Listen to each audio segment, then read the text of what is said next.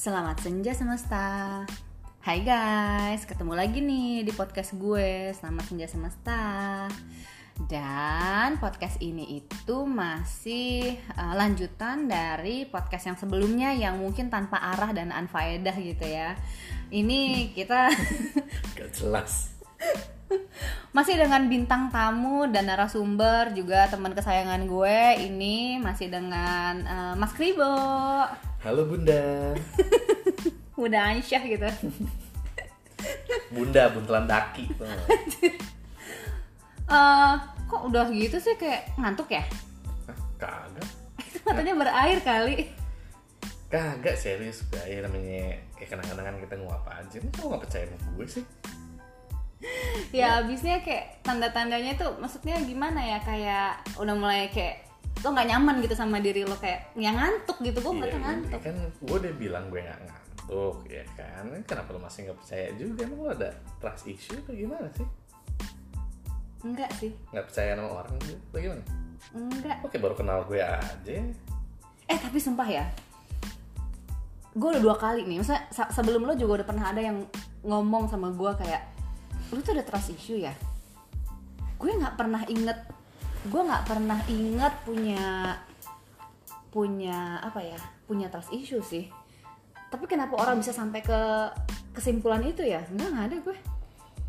Iya, kadang kan orang apa ya namanya orang punya trust issue kan biasanya dia merasa insecure karena takut eh, lawan bicaranya itu punya hal-hal yang bukan dirahasiakan tapi eh, ngomongnya A padahal kita tahu sebenarnya B gitu.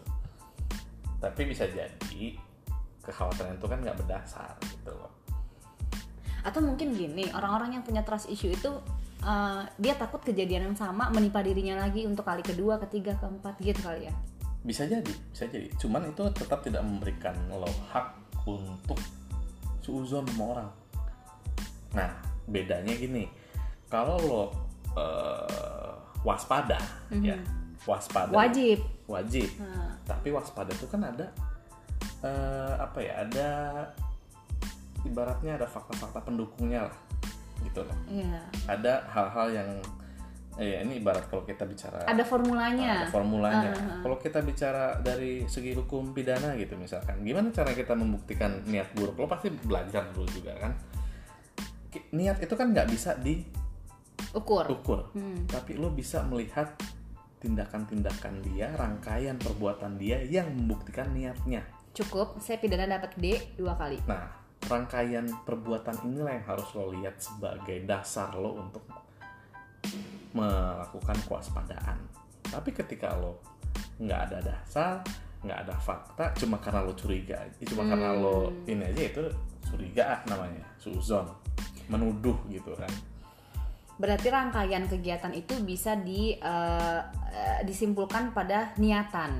Iya, Sama seperti kayak misalnya saya melihat kayaknya dengan gerak-gerik eh, mulai nguap dan mata agak Iya. berair itu adalah rangkaian kegiatan dengan kesimpulan ngantuk. iya bisa jadi, tapi nggak selalu pasti Bisa juga kelilipan. eh, oke. ya kan? Maksudnya tadi ada banyak variabel. Hmm. Kalau lo mau kesimpulan lo jatuh di satu titik, Hmm. lo harus menegasikan opsi-opsi lain dulu. Oke. Kalau lo udah yakin opsi lain nggak bisa dilakukan, lo baru bisa. Nah, Tapi ngomong. begitu lo melihat satu kondisi dan lo langsung mengarah kepada satu kemungkinan itu artinya lo suzon, bahasa Inggrisnya trust issue. lo nggak percaya sama dia. Iya. Nah, sebenarnya itu wajar-wajar aja. Setiap orang punya mekanisme pertahanan diri, punya mekanisme bagaimana membentengi diri dengan apa Caranya. namanya, caranya untuk tidak gampang percaya sama orang. Ya menurut gue itu penting. Tapi balik lagi ada kadarnya. It's okay kalau lo begitu sama let's say stranger. Lo Oke. nggak kenal nih orang siapa, resikonya gimana. Tapi yang sering jadi masalah ketika lo bersikap curiga, bersikap eh, hati-hati, tapi sama pasangan sendiri. Ini agak mendalam kayaknya. Oh. Ibu jangan nunjuk-nunjuk saya. Ini kan saya cuma analisa saja. Gitu. Nggak kalau kalau kalau, kalau iya oke lah. Ya gue soalnya gini nggak ngerasa kalau gue tuh punya trust issue atau gue punya sebenarnya tapi gue nggak sadar tapi itu ada di alam bawah sadar gue mungkin kan Bisa jadi. bisa jadi makanya gue bisa langsung cecet gitu yes ya kan tapi kalau mungkin eh, lu tuh punya kesadaran yang jauh di atas gue gitu. Ya lu pernah ngalamin atau punya Ya, cerita? pernah. ah punya? Tentu. Banyak. Itu bisa di share kali. Bisa bisa bisa. Dulu gue di awal-awal gue punya pasangan ya. Balik lagi ke zaman dulu kala ya. Gua- Masehi. Uh, uh, sebelum masehi itu memang kadang-kadang gue punya pemikiran-pemikiran kayak gitu duh kok pasangan gue ke mana ya? Nggak ada nggak ada kontak nih jangan dia ini dia ini dia ini gitu. Maksudnya ada meskipun gue nggak tahu apa-apa meskipun gue nggak tahu ada fakta apa pun tapi curiganya langsung ke arah yang negatif gitu.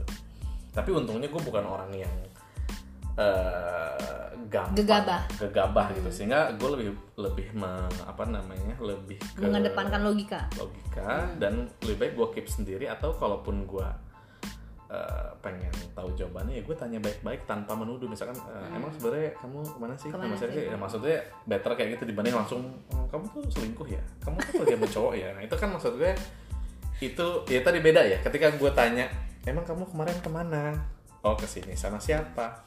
It's okay dong namanya pasangan nanya-nanya gitu kan. Iya. sepanjang kita lakuin dengan cara-cara yang baik gitu. betul. Tapi ketika gue langsung tuduh kamu tuh kemarin kok nggak ada kabar sih? Selingkuh ya? Kamu tuh ada cowok lain ya? Itu kan ya lo dari mana lo bisa ngomong kayak gitu sih? Hanya karena dia nggak ngontak lo seharian misalkan. Dan nggak ada uh, info lain yang lo tahu tentang itu. Nah itu baru namanya udah trust issues ya. Kok lo nggak ada apa-apa udah nuduh duluan. Jadi bapak ada di posisi yang mana? Saya lebih banyak yang nggak dipercaya. Mungkin yang muka saya tampang kriminal kali ya. Mencurigakan bagaimana kok pada nggak percaya mungkin. Apa sih pak kisahnya pak sampai bisa kejadian gitu? Ehm, banyak hal ya. Nggak, mungkin kan mungkin juga gini loh maksudnya itu kejadian kayak saya kalau lihat dari uh, aura-aura bapak ini kan kayaknya nggak sekali kejadiannya ya Iya. ya oke baik. Uh, kenapa itu kejadian uh, terjadi beberapa kali apa mungkin ada tindak tanduk yang sama dan berulang Ini gitu sih ya, kisah eh, seseorang yang saya tahu ya, bukan saya. Ini saya tahu nih seseorang. Tapi kan diri saya juga saya tahu ya, jadi bisa jadi seseorang itu adalah saya gitu. oke oke oke Ya intinya ini bisa dialami oleh semua orang dan mungkin kalau lo masih ingat eh, obrolan kita di sebelumnya, ini nggak ada masalah sama gender ya. Semua orang bisa punya trust oke issues. oke Ya. oke Nah, misalkan contohnya tadi. Ini sebenarnya trust issue adalah bagaimana cara kita menyikapi suatu insecurity gitu kan.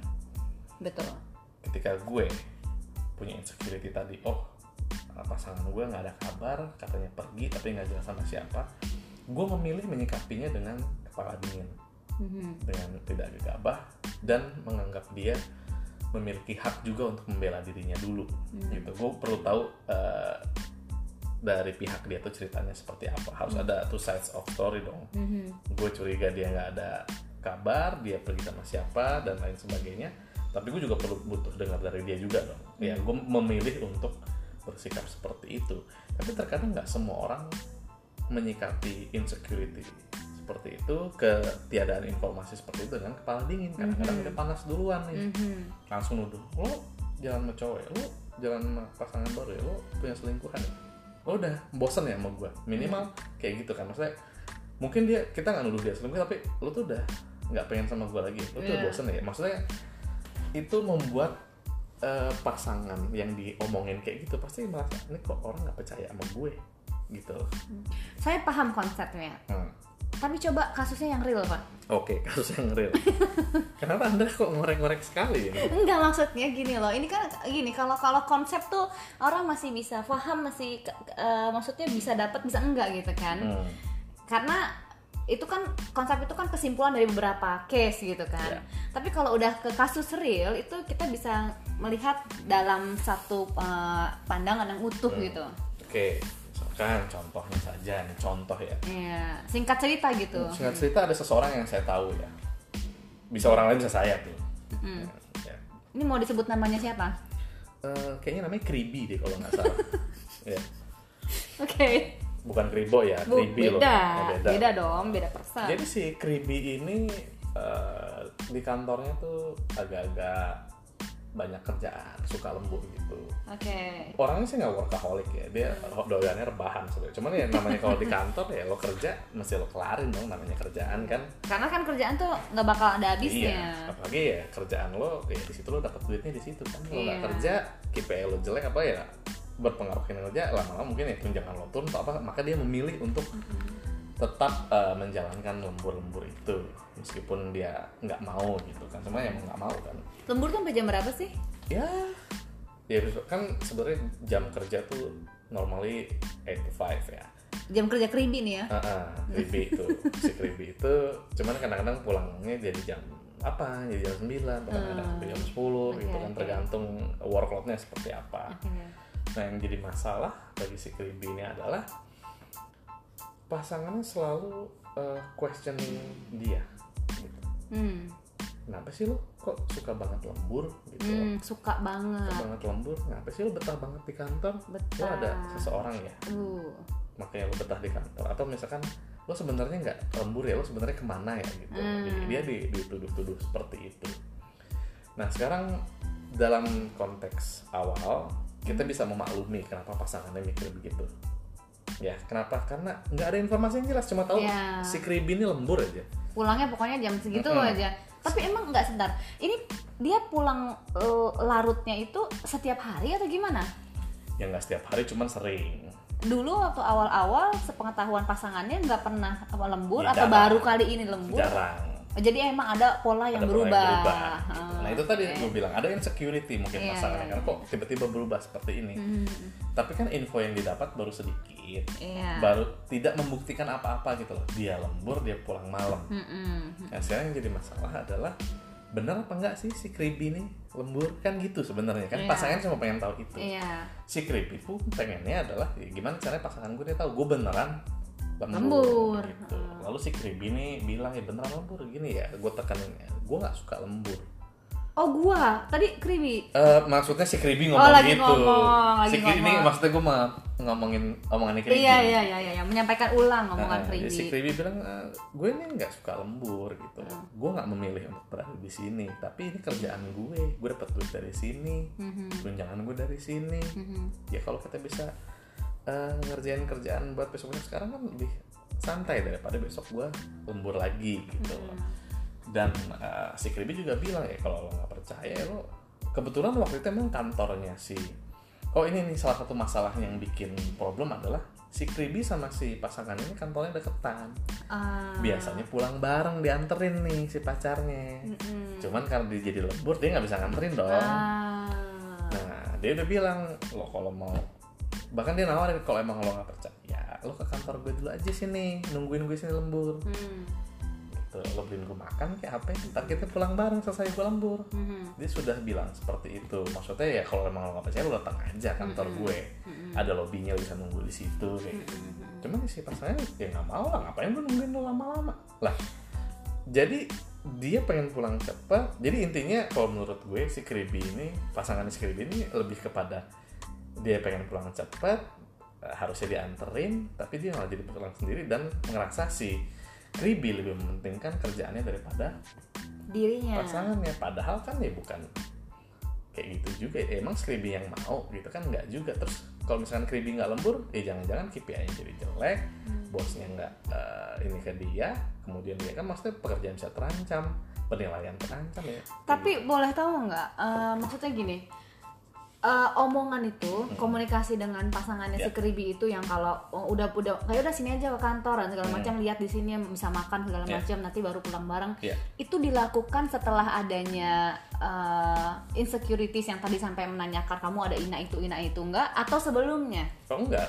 Setiap lembur itu si Kribi selalu bilang. Jadi misalkan hari ini nggak lembur ya dia jemput kalau misalkan hari ini nggak bisa jemput ya dia bilang eh hari ini gue lembur ya dia selalu menanyakan lo mau nungguin gue apa lo mau pulang duluan Hmm.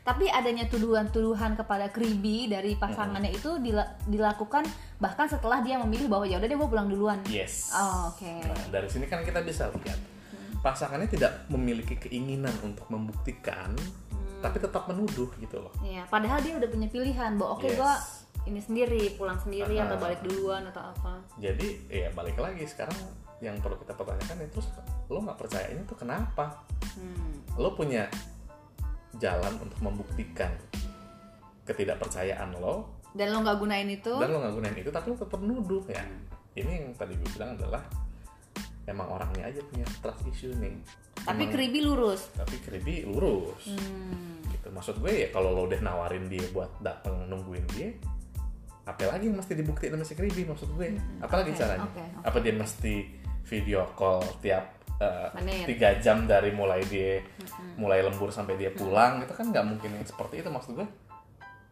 Ya sama sekali nggak ada trust dong kalau dia sampai Iya, harus kayak gitu iya, gitu iya, iya.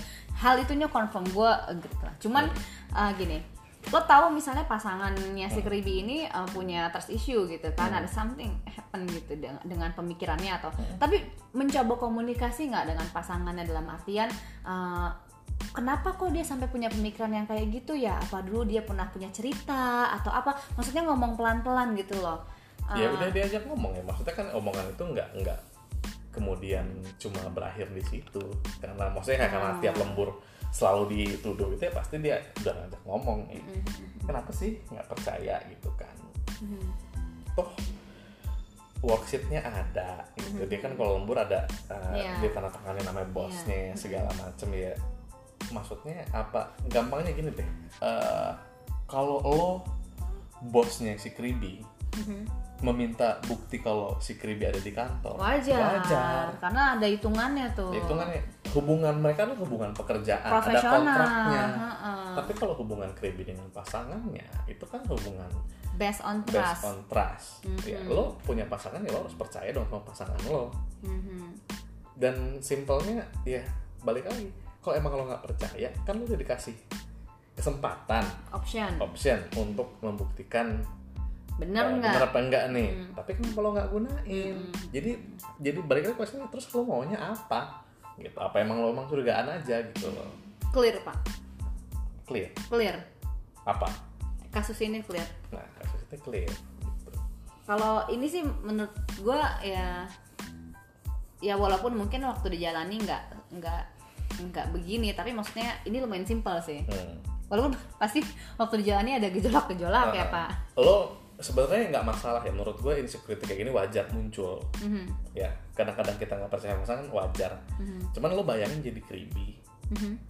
tiap lo lembur lo digituin gitu loh Mhm. apa lo nggak lama-lama muak digituin Iya makanya gini mau mau kalau gue ya maksudnya mau itu insecurity mau itu masalahnya trust issue mau itu apa pun intinya hubungan lo sama pasangan lo itu adalah tentang ruang dan waktu yang sebenarnya lo punya sama pasangan lo. Yes. Sejauh mana lo bisa punya toleransi atas apa pun yang terjadi atau apa pun yang kemungkinan akan terjadi di antara kalian. Hmm. ya kan? Kalau emang ternyata Kribi ini hatinya sangat mulia bahwa dia melihat bahwa dunia ini sementara Hmm. pasangannya juga mungkin sementara karena sebenarnya kehidupan dia yang kekal adalah di sana Hmm. dia pasti akan menjalaninya dengan ikhlas dan menerima jalanin yang mana bu? Lembur apa yang maksudnya? Pilih pulang aja. Gak usah lembur menjalani lembur karena itu adalah bagian dari tanggung jawabnya di kantor dengan menerima segala konsekuensi yang akan diberikan oleh pasangannya. Iya si creepy ini juga sebenarnya eh, tapi sebentar. Pernah- oh, sorry, sorry, selesaikan dulu kalimatnya. Tapi kalau ternyata uh, Kribi adalah manusia biasa yang punya limitasi terhadap keluasan uh, hatinya yang tidak seperti samudra, Kribi bisa punya pilihan. Ya itu Kalau waktu itu Kribi mengambil yang mana, Pak? Hah?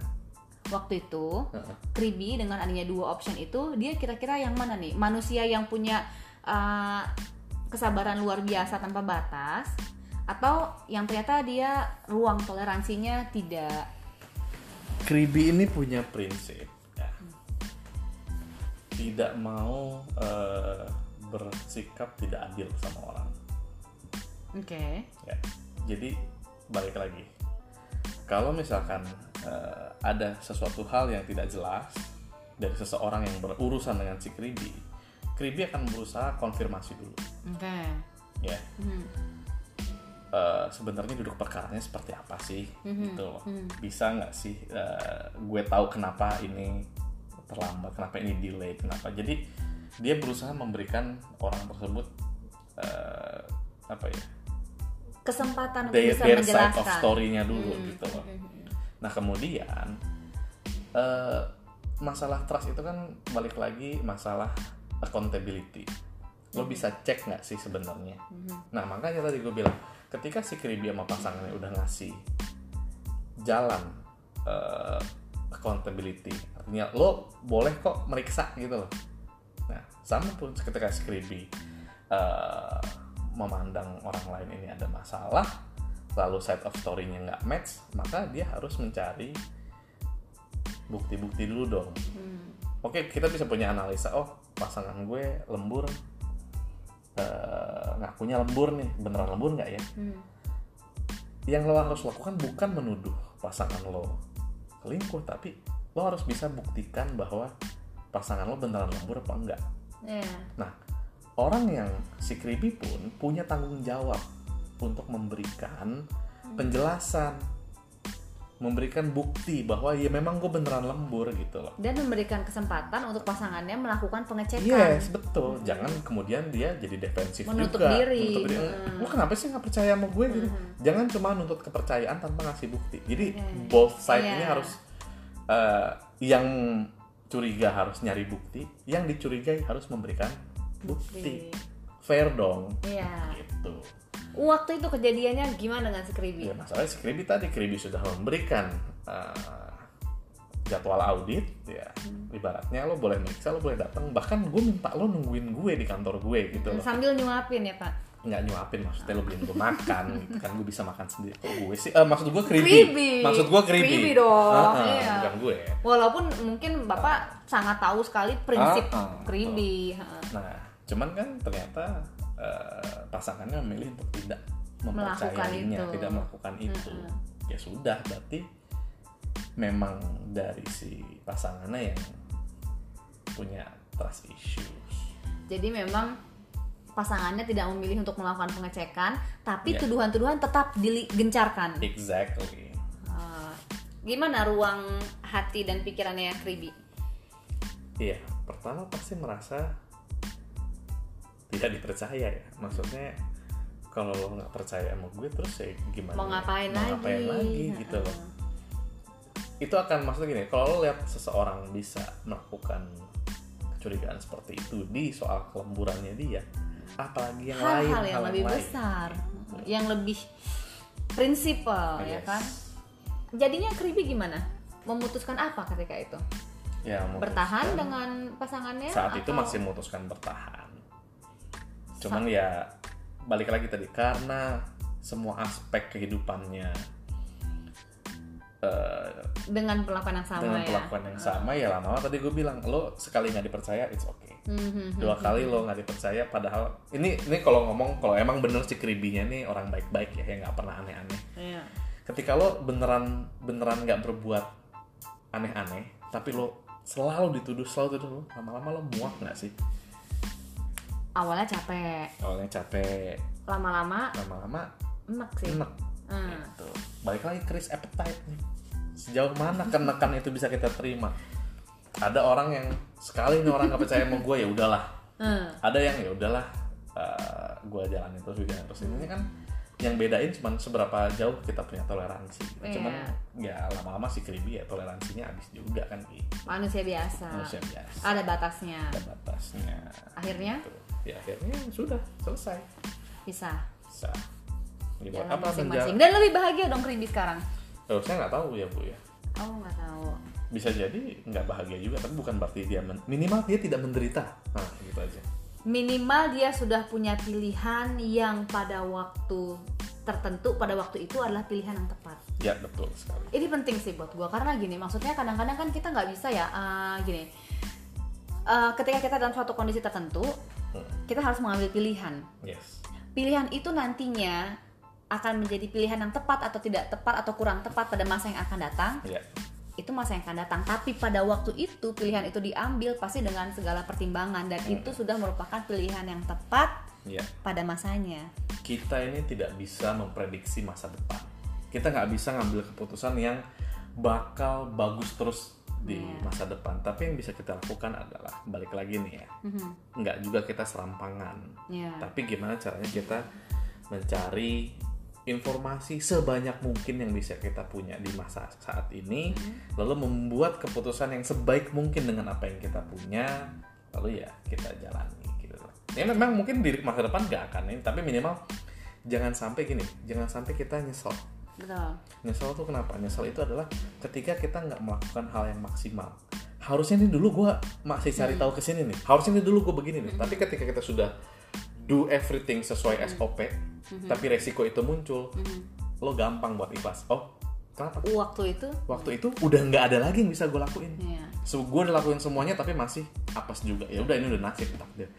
Beda halnya ketika lo uh, terjadi hal buruk tapi harusnya dulu gue nggak begini nih. Harusnya dulu gue bisa lebih effort lebih banyak.